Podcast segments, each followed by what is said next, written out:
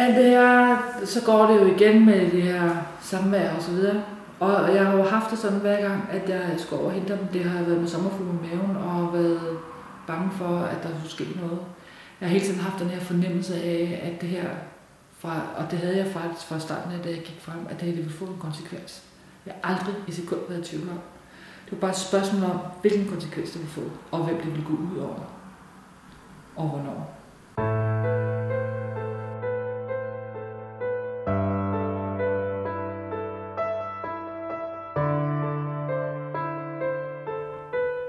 Lytter til Dysfunktion, en podcast om og med kvinder, der har været i forhold til mænd med psykopatisk eller narcissistisk adfærd. Podcasten interesserer sig ikke for mændene, men for kvinderne. Den prøver at undersøge, hvorfor kvinderne blev fanget ind i den her slags forhold, hvorfor de blev i dem, og ikke mindst, hvad der skulle til, for at de kunne slippe væk. Mit navn er Karolina Magdalene Meyer.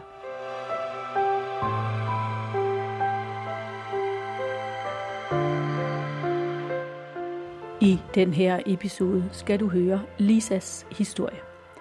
Lisa er 45 år og har i mange år arbejdet som handicaphjælper.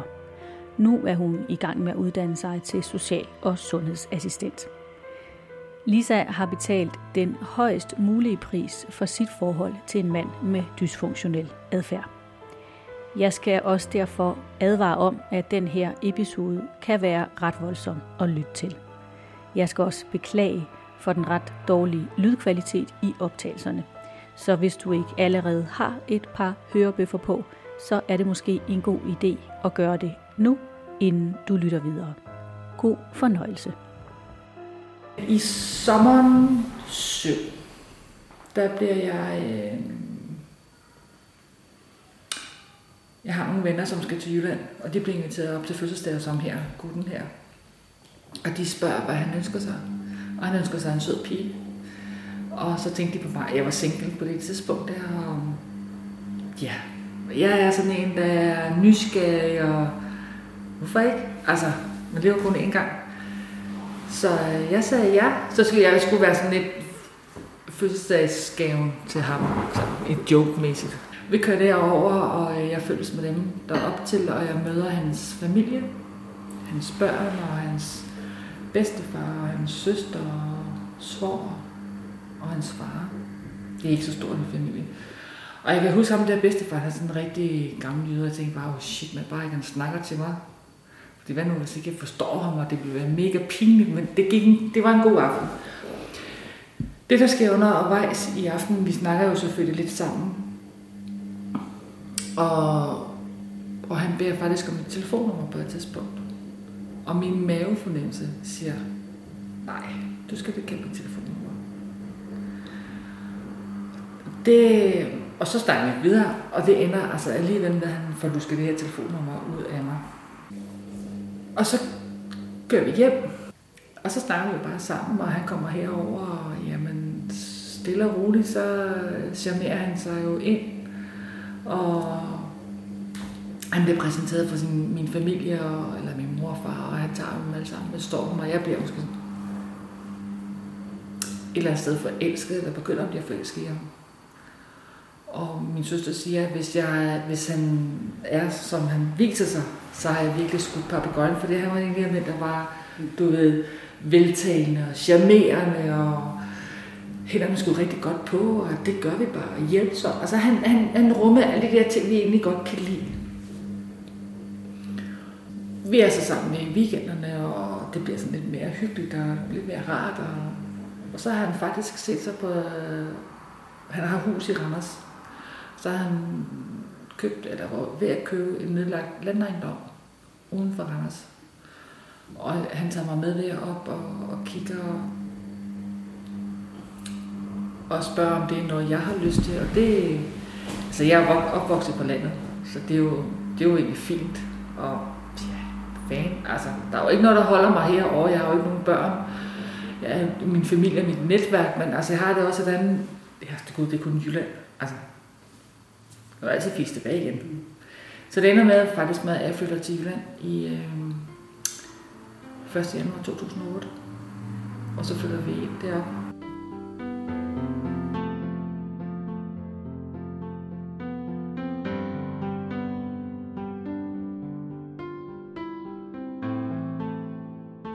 Det er noget gammel LORT. Så altså, vi begynder at sætte det lidt i stand og lave nyt køkken, og vi arbejder begge to. Og, men forelsket, og så, øh, så kan man mange ting.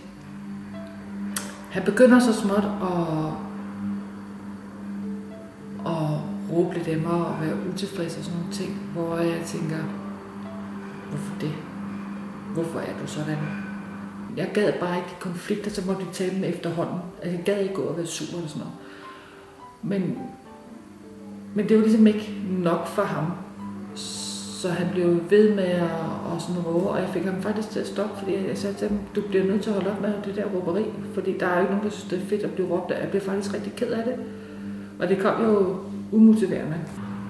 Det holdt han så op med, og så blev det ligesom sådan lidt ro, og der var jo øh, heldigvis på det tidspunkt rigtig mange gode stunder, mange øh, lange gode stunder. Der var ikke så meget øh, af det der. Der kom det der lidt stak hoved frem en gang imellem. Men alt det her, så går det faktisk rimelig godt, sådan som jeg husker det øh, det første halve år, år nej, i hvert fald årstid. Og vi bliver faktisk efter 10 måneder blevet ringforlovet. Ude i haven under et træ, og hvad jeg er bare romantisk. Jeg synes jo det er, og den her er kæmpe have. Det var, det var jo hyggeligt, og så, jamen, så skulle vi jo giftes på et eller andet tidspunkt, for det troede jeg jo virkelig, at nu havde jeg fundet manden, ikke også?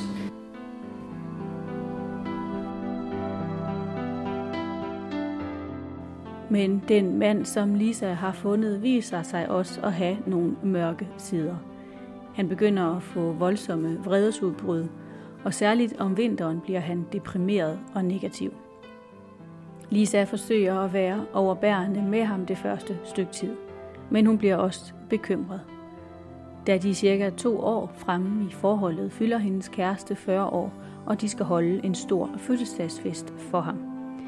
Til den fest sker der to ting, som ikke gør Lisas bekymringer mindre. Øhm, vi får køkkenpersonale til den her 40-års fødselsdag, og vi skal have noget kød af en anden slags. Og de, jeg har jo sådan, og det har jeg lært hjemmefra, når man har køkkenpersonale til en fest, så siger man, værsgo, det er jeres, men jeg vil bare gerne have det sådan og sådan og sådan. Og så skal I sørge for resten, og så slipper man det. Ja, så kunne man lige så godt lave det selv jo. De lærer sig et eller andet døde, og det var han kom ind og set. Og så flipper han helt ud, og han kunne ikke... Jeg var sammen med en af gæsterne. Og han kunne slet ikke have det. Han kejlede helt ud, og han var parat til at fyre dem og smide dem på bordet, og de skulle kraftede med bare ikke noget som helst. Jeg skulle ind og redde. Han, han var rigtig god til at køre en stemning op, og så skulle jeg rave kastanjen ud i den, ikke? slukke branden.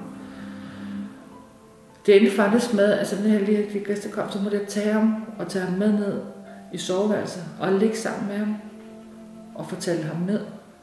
Virkelig fortælle ham ned og få beroliget ham og sagt, at det skal nok gå alt sammen og sådan noget. Fordi i mit hoved blev det jo en skandale, hvis han kejlede af foran alle de her gæster. Det ville være mega pinligt. Det ville også være mega pinligt at skulle have kendt, at vi kom til at stoppe en fest, fordi et eller andet, vi havde måske ikke styr på det. Altså, der, der var jeg jo allerede begyndt at køre det over på mig selv. Mm. At det der med, jeg vil gerne vise, at, jeg var på, at, at vi kunne det her. Jeg vil gerne vise, at vi kan holde en fest, at det skulle være en god fest, og så videre, så videre. Ikke? Så jeg gjorde jo alt for at få det til at glide nænsomt. Vi får faktisk også en god fest. Altså, det, det bliver rigtig hyggeligt, og øh, folk hygger sig. Og når klokken er, det ved jeg ikke, 10 eller sådan om aftenen, så kommer han ind med, det er faktisk på min fødselsdag, vi holder den der 40 års fødselsdag.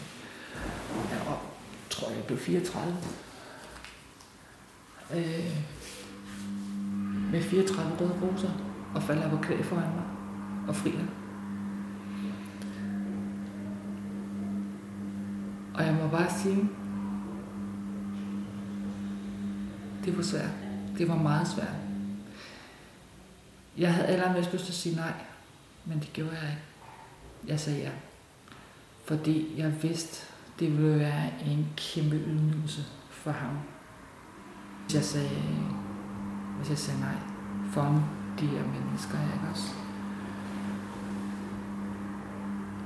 Jeg må også sige, og måske sagt det lidt sjovt, men at vi altid snakker om, at skulle fri, så skulle det være, det kunne være sjovt for nogle mennesker og sådan noget, ikke? Men at han ligefrem havde tænkt sig at gøre det, det havde jeg måske så ikke regnet med, men det gjorde han. Og øhm, det var jo ikke fordi folk de sprang op af stolene af julen og glædede sig. Ah, hvor fedt, det var så godt, og nej, hvor er vi glade på jeres vej. Nej, det var faktisk det at, at overse. Min veninde var kommet lidt senere og kommet rigtig langvejs fra. Hun blev så tosset, så hun kørte. Hun følte, at han bundfangede mig der. To gange på mig. Og hun kunne se, hvad det gjorde ved mig. Og det kunne hun simpelthen ikke holde ud til. Så hun sagde, jeg bliver simpelthen nødt til at køre, for så eksploderer jeg.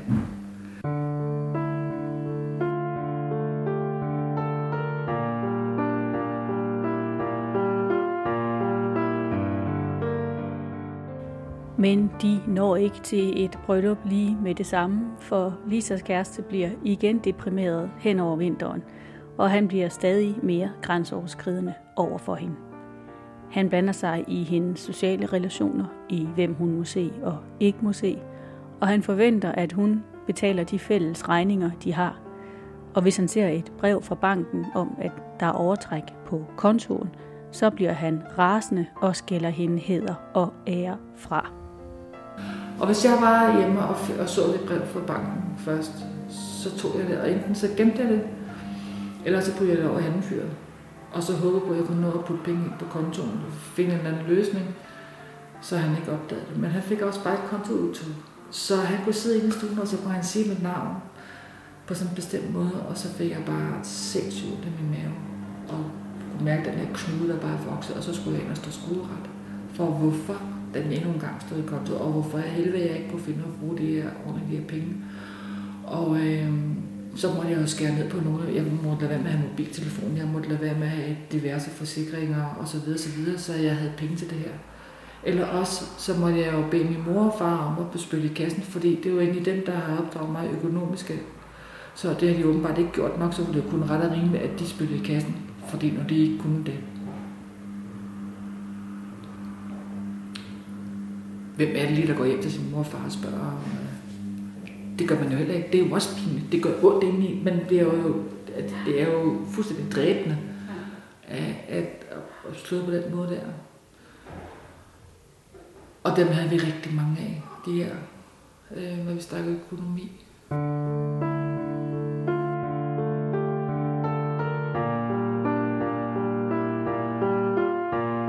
Lisa lever i lang tid i en tilstand, hvor hun aldrig ved, hvad der venter hende om hjørnet. Hendes kæreste svinger fra at true med at begå selvmord til at være i højt humør. Han svinger mellem at skælde hende ud og overstrømme hende med gaver. Hun ved, at noget er helt galt, men hun er stadig langt derfra, hvor hun har viljen og styrken til at gå fra ham. Når han blev presset, når han blev gal eller et eller andet, så smed han lige det her, men så begår jeg selvmord. Kortet. Og så i starten så ej det, ej, det må du ikke, og hvad skal vi gøre, det er da forfærdeligt, og så tog han meget seriøst. Men på et eller andet tidspunkt, øh, noget længere fremme, når man får nok nok af det der selvmord, som bliver jeg, så kommer det her, øh, jeg ved ikke, om man kan kalde det sindeironi op, men, men man bliver bare pissetræt af at høre på det, og, og bliver, nu gider jeg bare ikke mere. Øh, agtigt. Selv, og det er sådan af de her små luftholder, man lige får, så får man lige lov at komme op og ikke man bliver dunket ned igen, ikke? Og, og, så, og jeg sagde faktisk til mig, men hvis du vælger at begå selvmord, jamen så er det jo dit valg. Det, det, og også fordi, jeg vil ikke have skyld. Jeg, jeg vil ikke påduttes den skyldfølelse. Og så sagde man, det var, der var jo en grund til, at han nok begik selvmord, hvis det var det. Jamen, det kan godt være, men det er stadigvæk din beslutning. Ergo, så det er din egen skyld, hvis du begår selvmord. Altså, det kan ikke blive nogen andres skyld. Og så var det ligesom om, at så, øh, så kunne han godt, det, så holdt han lidt op med det i en periode. Han var faktisk også god til at give ros. Utroligt. Altså, det var han. Problemet var, hvis man aldrig vidste, hvornår man fik den her ros. Og når man troede, man skulle hen og have en skideball, jamen, øh, så fik man måske blomster i stedet for en, en tissel. Jeg kan huske, at vi kørte også halm og sådan noget, og der stod op på sådan en handbånd, og så formen, det er den der høtyv, hvis der er nogen, så ved hvad det er for, for en, ikke? Mm. Den kom til at stå i spænd mellem min handball og taget, så der lavede hul i taget. Og så tænkte jeg bare, fuck, jeg skal ud og fortælle ham, at jeg har lavet hul i taget med den her. Og jeg var tudbrødte, da jeg stod derude. Så ser han bare på mig. Men hvorfor blev du ked af det? Det var da godt ikke, du faldt ned deroppe fra og fik den der ned over dig. Så pyt med, der gik hul i taget. Okay. Andre gange, hvis du fik væltet et glas vand eller mælk, så faldt himlen jo ned. Altså. Så det var hele tiden sådan nogle ting. Hvis jeg skal tegne et billede af det, som jeg ser det, og jeg er meget visuel, det har jeg, hvis man så forstår folk det også mange gange. Men på det tidspunkt er jeg ikke nået bunden. Jeg er på vej ned. Han er ved at pille mig fra hinanden. Jeg tror på, og det, der var en, der sagde til mig engang, og det er faktisk rigtigt, på et tidspunkt, så startede der en spire, hvor du lagt et frø hernede, helt nede i bunden hernede, hvor du er pillet fra hinanden. Den spire skal gro op, og når den er færdig med at gro og sprunge ud, der er du klar til at gå fra ham. Men, men jeg, er slet ikke, jeg er slet ikke i nærheden af det på det der tidspunkt. Der.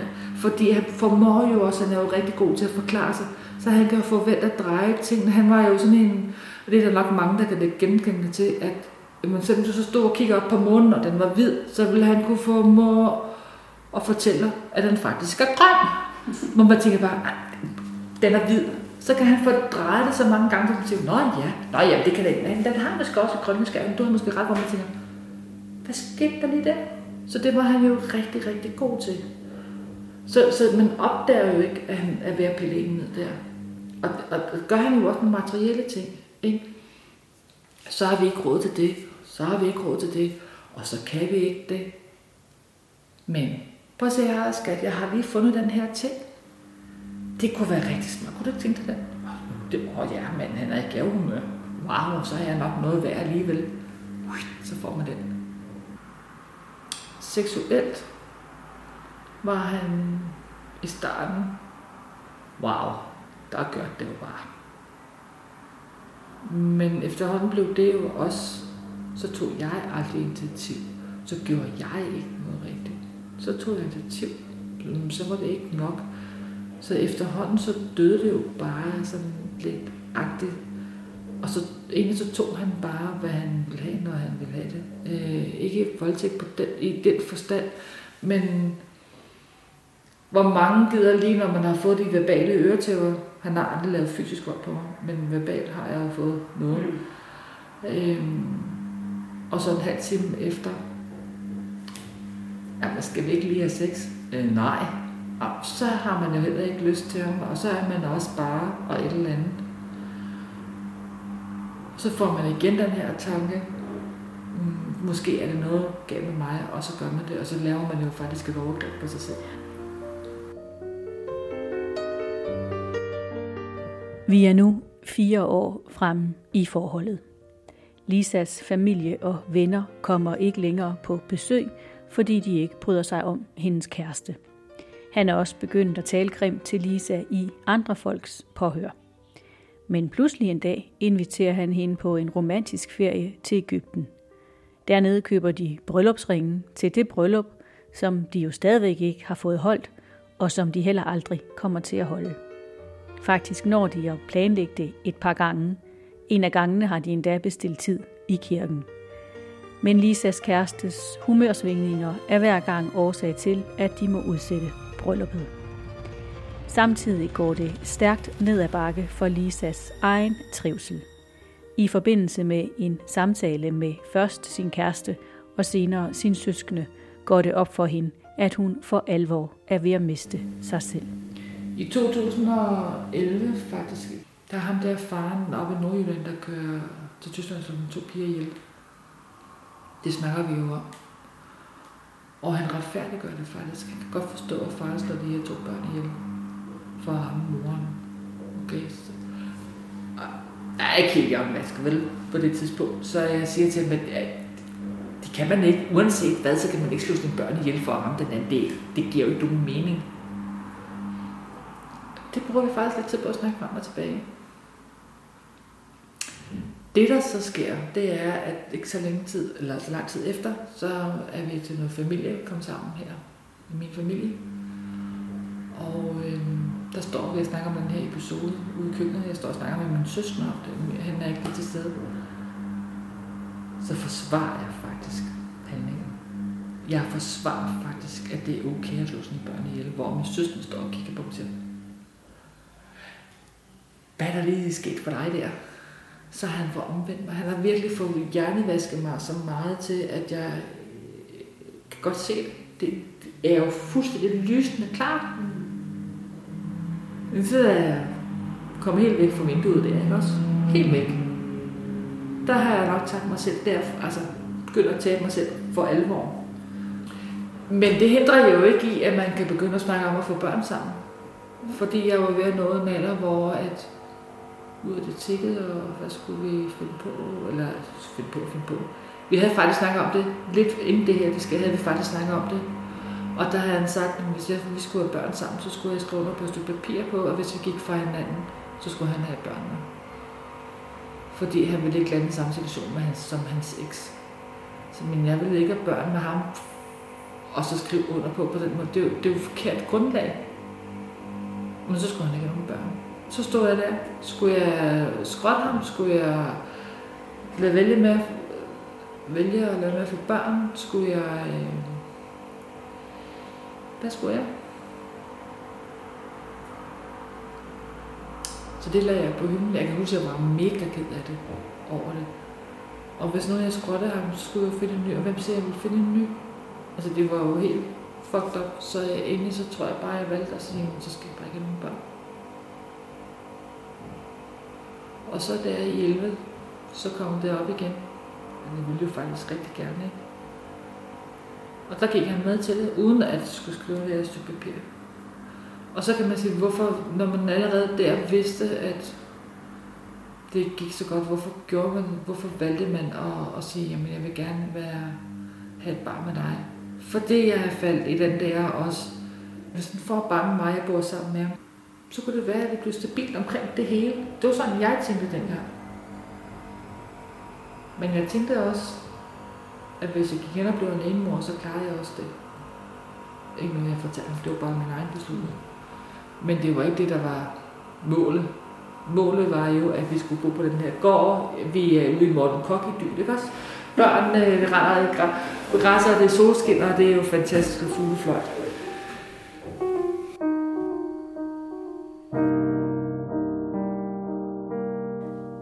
Lisa bliver gravid, men der er ikke meget Morten Kork eller fuglefløjt over det. Hun bliver sygemeldt med bækkenløsning 6 uger før sin termin, og selvom hun er sygemeldt, så er det hende, der skal lave mad og holde hus. Hun føder så sin søn Valdemar, og fordi det var en hård fødsel, hvor de var ved at miste Valdemar, får Lisa hjælp fra kommunen til at klare det hele, da hun kommer hjem fra hospitalet. Det har hun brug for, for hendes kæreste byder sig ikke til. Han vil ikke have, at Lisa og Valdemar sover i soveværelset, da de kommer hjem fra hospitalet, fordi han skal have sin nattesøvn. Så i tre måneder sover Lisa med Valdemar nede i stuen. Også ved Valdemars barnedåb står Lisa helt alene for med hjælp fra venner og familie. Efter barnedåben går det stadig værre. En dag får Lisa en opringning fra en plejesøster, og endelig indser hun, at hun må væk.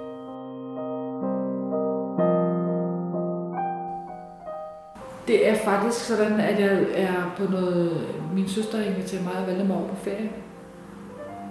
Sådan en børneferie. Og, og det går jo heller ikke uden tværslag at komme derover vel. Men jeg får lov til sidst. Altså, han giver mig lov i starten, men når vi nærmer os, så synes han, det er jo vildt mærkeligt, at vi skal tage derover. Og hvad jeg vil sige til, hvis sammen en kammerat tog 14 dage til Gran Canaria, god tur. Det er bare tre uger med det samme. Og det sagde jeg til ham, og jeg mente det. Men vi tog derover og havde en god uge langt det meste af tiden.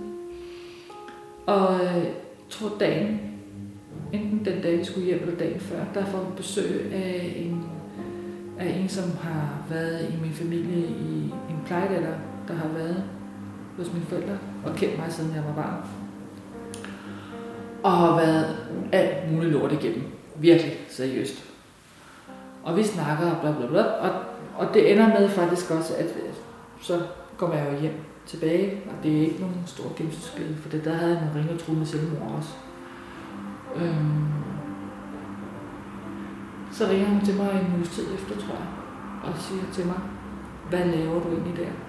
Kan du se at komme væk, inden han nedlægger dig fuldstændig? Det får vi så lige snakke om, og det skal lige sådan. Og så tager jeg beslutningen på dage efter. Og for jeg tager beslutningen til, at jeg går fra ham, der går der ni dage. Ni dage, hvor at jeg opfører mig, som jeg plejer. Jeg var hunderad for, at han skulle opdage, at, at jeg ville gå fra ham. Fordi det her, det var en chance. Jeg ville ikke få nogen andre chancer for at gå fra ham. Og jeg gør nogle forskellige tiltag for at holde mig selv op på bilen. Jeg snakker med banken, fortæller dem, hvad jeg har tænkt mig, og giver dem mundkur på. Jeg fortæller sundhedsplejersken. Det tror jeg faktisk, det gør, at hende fortæller jeg to dage før jeg går. Og hun siger til mig, hvis du går, så laver jeg en underretning på dig. Fordi at han har krav på at se sit barn, som jeg har jo ikke snakket om, han ikke må. Sådan var min tankegang faktisk. Jeg skulle bare væk, og jeg skulle have valgt mig med. Men jeg ville jo ikke være hende der, den dumme kælling der, som, ikke, som nægtede at se ham, eller han ikke må se sit barn. Så det, var, det var mit helt ærlige udgangspunkt i det her. For mig handlede det om at komme væk, og jeg var jo dødsens ret for, at han skulle opdage det. Weekenden før, der er der nogle venner, der kommer over og besøger, og de får faktisk, der får sidste del, øh, jeg havde ikke sat nogen bestemt dag af til det, fordi det handlede lidt om, at han tog og lavede noget arbejde en gang med dem, og Øh, om jeg skulle vente til han gjorde det, så havde jeg jo måske fri i nogle dage, men jeg vidste ikke, hvornår, og jeg vidste ikke, hvor længe jeg kunne holde det her kørende, vel? Så det blev, jeg skulle faktisk et møde øh, Og det skulle jeg faktisk. Så det blev den dag, at jeg blev hentet af en veninde herovre. Derovre. Men de får masser af mine ting med hjem. De får også en task af mit tøj og Valdemars tøj med. I det tilfælde, at jeg blev nødt til at, at, at, at skal stikke af med ham. Og han opdager, han opdager ikke, at, at det bilen har, har faktisk ret mange ting.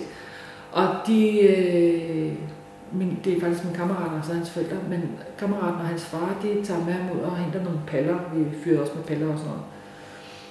Og imens så får jeg pakket nogle flere ting og kørt ud til nogle andre, der gerne vil hjælpe mig, hvor tingene er opmangseret.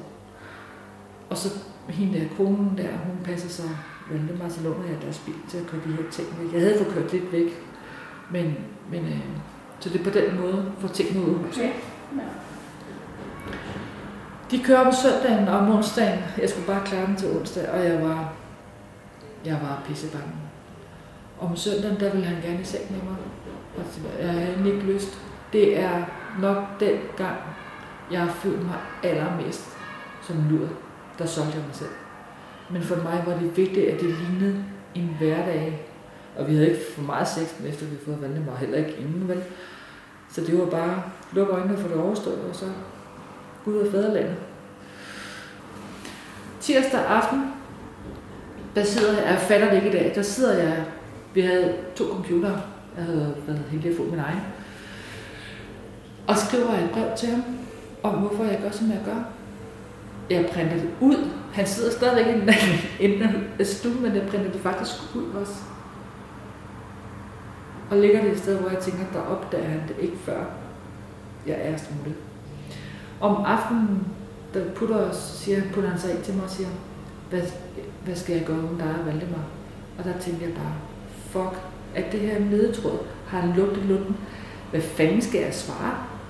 Jamen, det ved jeg heller ikke. Jeg vidste jo, at det her det var min sidste nat. Onsdag morgen sidder jeg og Valdemar, og så kommer han faktisk i tanke om, at han har en tid hos lægen, og må nødt til at køre. Så skrider han, og så får jeg bare pakket det sidste med. Nogle billeder og, og computer, og han tager også lige en ring. Og de ting, jeg har ikke tur at tage, fordi jeg har, ikke, jeg har ikke styr på, hvor meget han lå mærke til, hvad vi havde hjemme. Vel? Selvom vi havde mange ting, så havde han styr på noget af det. Jeg tager også æg med til mødergruppen, fordi det var vigtigt for mig, at det skulle være normalt. Jeg havde jo sagt, at jeg skulle æg med til mødergruppen, så Det blev jeg nødt til at tage med. Jeg havde også taget mad op til ham til om aftenen, fordi jeg vidste, og jeg havde også sørget for, at hønsene havde mad, fordi jeg vidste, når jeg gik fra ham, så havde jeg jo gulvtæppet væk under ham, og så baller hans verden sammen. Og så skred jeg ud af døren. Det er det sværeste skridt, jeg har taget over det der dørtrin der. Og vinde det hele ryggen. Men det er syv måneder gammel dreng.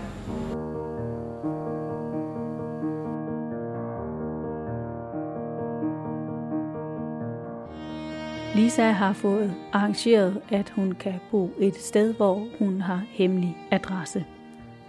Efter en uge flytter hun efter anbefaling på et krisecenter, som hjælper hende i processen med at få sin ekskæreste ud af systemet. Krisecenteret hjælper hende også juridisk, for der kommer et retsligt opgør om forældremyndighed og bopælsret over Valdemar. Resultatet bliver, at Lisa får bopælsretten, men som kompromis må hun gå med til delt forældremyndighed, hvilket betyder, at hendes ekskæreste får samvær med Valdemar hver anden weekend. Så han, men han hentede Valdemar i dagplejen om fredagen, fordi jeg skulle have minimum kontakt med ham, og så hentede vi, ja, eller hentede jeg Valdemar på Randers station om søndagen. Og i starten var der nogen, der hentede ham, gik ind og hentede ham for mig fordi jeg turde simpelthen ikke stå til ansigt over for ham, fordi jeg var bange for, at hans, han kunne fortælle mig tilbage, eller hans magtfuldhed og sådan noget. Men efterhånden lærte jeg jo, at det kunne jeg godt. Foråret går, vi er fremme i, i foråret 14 nu, ikke? jeg går i 13. Foråret går med diverse chikaner og stalking, og han hænger indflydelse til bryllup ud, det og sætter blomster. Jamen, han gør mange ting. Han følger lidt efter mig. Han kører i byen en gang, og kommer han over. Han har åbenbart meget tid, så han ligger fuldt efter. Jeg har kørt ude foran på cykel, hvor han har kørt bagefter mig. Og jeg har bare ignoreret ham fuldstændig. Nu er vi fremme ved den skæbnesvanger weekend, hvor Lisa ser sin søn i live for sidste gang. Så øh, den 21. september, det var faktisk en søndag, der havde han på samme vejr fra fredag til søndag der. Og der kysser jeg valgte mig farvel i dagplejen om morgenen, fredag morgen, og siger, kan du have en god weekend hos far, vi ses på søndag. Det var sidste gang, jeg så liv. For da jeg kommer over søndag, så øh, ja, kan det sige, det sætte mavefornemmelse, hvor det var. Jeg kunne bare mærke, at der var noget galt. Og han kommer ikke med ham som aftalt. Og jeg synes, det er lidt svært, ikke også? Øh, hvad fanden skal jeg gøre? Sådan Så jeg ringer til krisecenteret, faktisk. Siger, hvad fanden skal jeg gøre? Altså, selvom jeg ikke boede på krisecenteret der, så kunne man altid bruge dem hele tiden. Og jeg har brugt dem meget, også hvis jeg fik nogle papirer og så videre, jeg kunne fatte den her dag. Og de kender jo selvfølgelig godt problematikken omkring det her, ikke? Så ah, slap nu af og tag den roligt og vent til klokken 1, så kan du ringe til politiet. Og jeg prøver faktisk også at ringe til ham, fordi jeg tænker, hvis jeg skal snakke med politiet, så bliver jeg nødt til at have vist et initiativ, selvom det var ikke noget, jeg brød mig om. Jeg havde også skrevet til ham og sådan noget. Ikke? Og så det endte mig faktisk med, at jeg ringer til politiet. Og kommer ind til vagthavene. Ja, hende der, der stiller mig om, hun stiller mig faktisk ret hurtigt om. Og så kommer jeg ind til vagthavene, og så siger hun, hvem jeg er, og bum, bum, bum. Og så siger han bare, lige et øjeblik. Så går jeg lidt, og siger han, jeg sender lige en patrulje ned til dig. Men siger ikke noget andet. Så tænker jeg, fedt. Fordi jeg var jo begyndt at tænke i statsforvaltningen, fodretten, og åh, hvad jeg magtede det næsten ikke. Så jeg var fedt, så kørte jeg med ud og hente ham måske. Jeg var godt klar over, at jeg ikke selv skulle køre det ud. Men havde jeg vidst det, de kom og fortalte mig, og han, havde jeg fornemmet det, eller han havde sagt det, så var jeg kørt derud.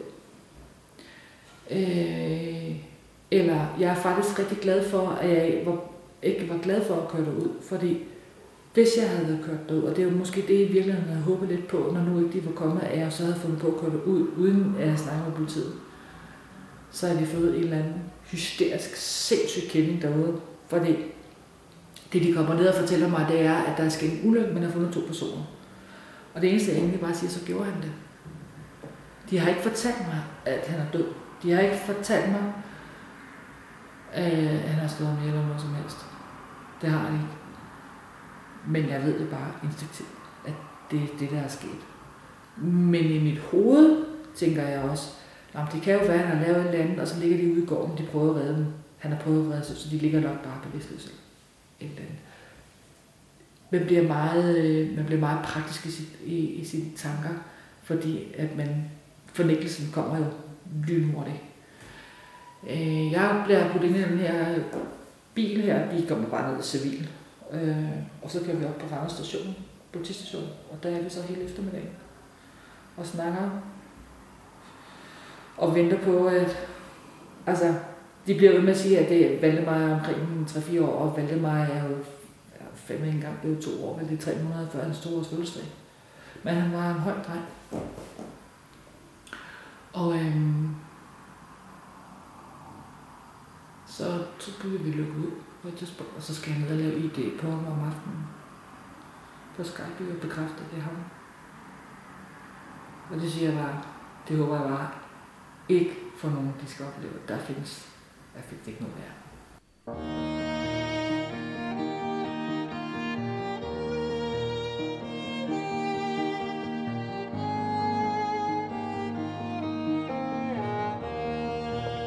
Valdemar er død. Hans far har taget først Valdemars liv og derefter sit eget.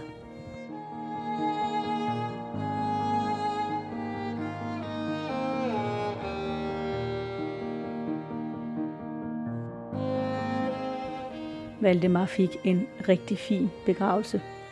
Lisa beskriver selv begravelsesdagen som sindssygt hård, men vanvittigt smuk. Efter begravelsen startede så Lisas kamp tilbage til livet. Som jeg ser på det, så har man to valg. Enten så vil du det, eller så vil du det Du har ikke nogen andre muligheder. Og for nogen vil det måske lyde sådan lidt, ja, men det er også, nej. For enten så er du et offer, eller så er du ikke et offer og sagt på en anden måde. Og jeg valgte ikke at være et offer. Jeg valgte at leve øh, for Valdemar. Han var en sindssygt glad dreng. Altid en solstrål, Der, og når man blev ked af det, så var han ikke ked af det ret længe. Han var bare, han skulle bare derud af. Og øh, jeg har aldrig været i tvivl om, at jeg skulle tale den her sag. Jeg har aldrig været i tvivl om, at jeg vil ikke tige stille øh, omkring om systemet øh, og, og det at være voldsramt. Men jeg skulle finde tiden til, at jeg skulle være stærk nok til det. Det er, at han skulle ikke vinde sidste omgang. Han skulle ikke sidde et eller andet sted og sige, ah, nu fik jeg hende alligevel. No way, det kommer ikke til at ske. Til sidst spørger jeg Lisa, hvordan hun har det i dag, oven på det voldsomme forløb. Jeg spørger hende, om det har ændret hendes syn på livet og om hvordan hun har taklet den sorg og den vrede, som jeg kan forestille mig må være følgesvende oven på så uretfærdige hændelser, som dem Lisa har måttet stå igennem. Hvad er det, din mavefornemmelse prøver at fortælle dig? Det er jo nogle gange det, der kan være svært, hvis ikke man har lært sin mavefornemmelse. Der var bare et eller andet. Dengang vidste jeg det ikke, fordi dengang brugte jeg ikke min mavefornemmelse. Der havde jeg ikke lært at bruge min mavefornemmelse.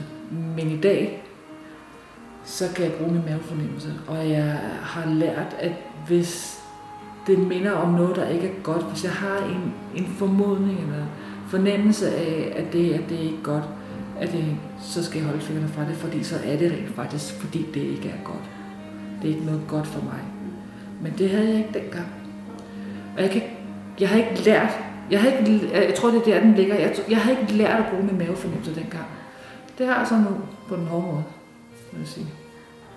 Og så har jeg valgt at gøre sådan at sige, at manden han var syg.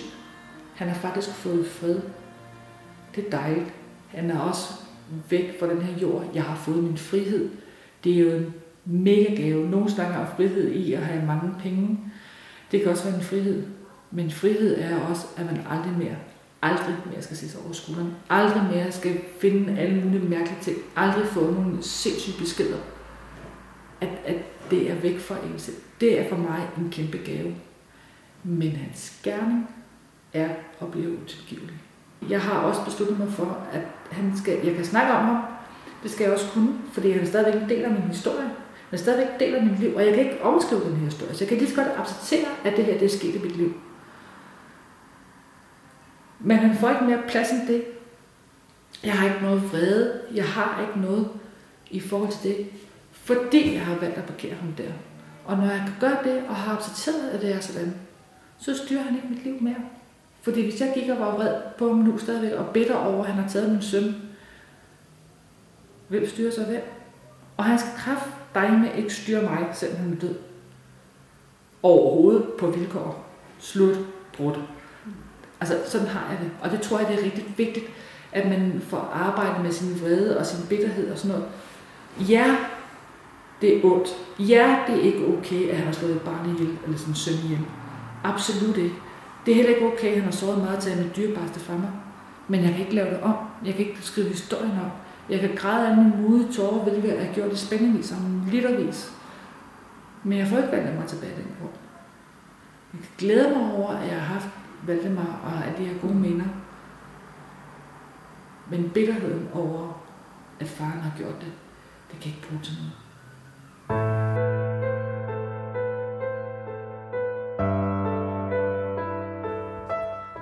Du har lyttet til podcasten Dysfunktion. Podcasten er produceret og redigeret af mig, Karolina Magdalene Meier. Tak fordi du lyttede med.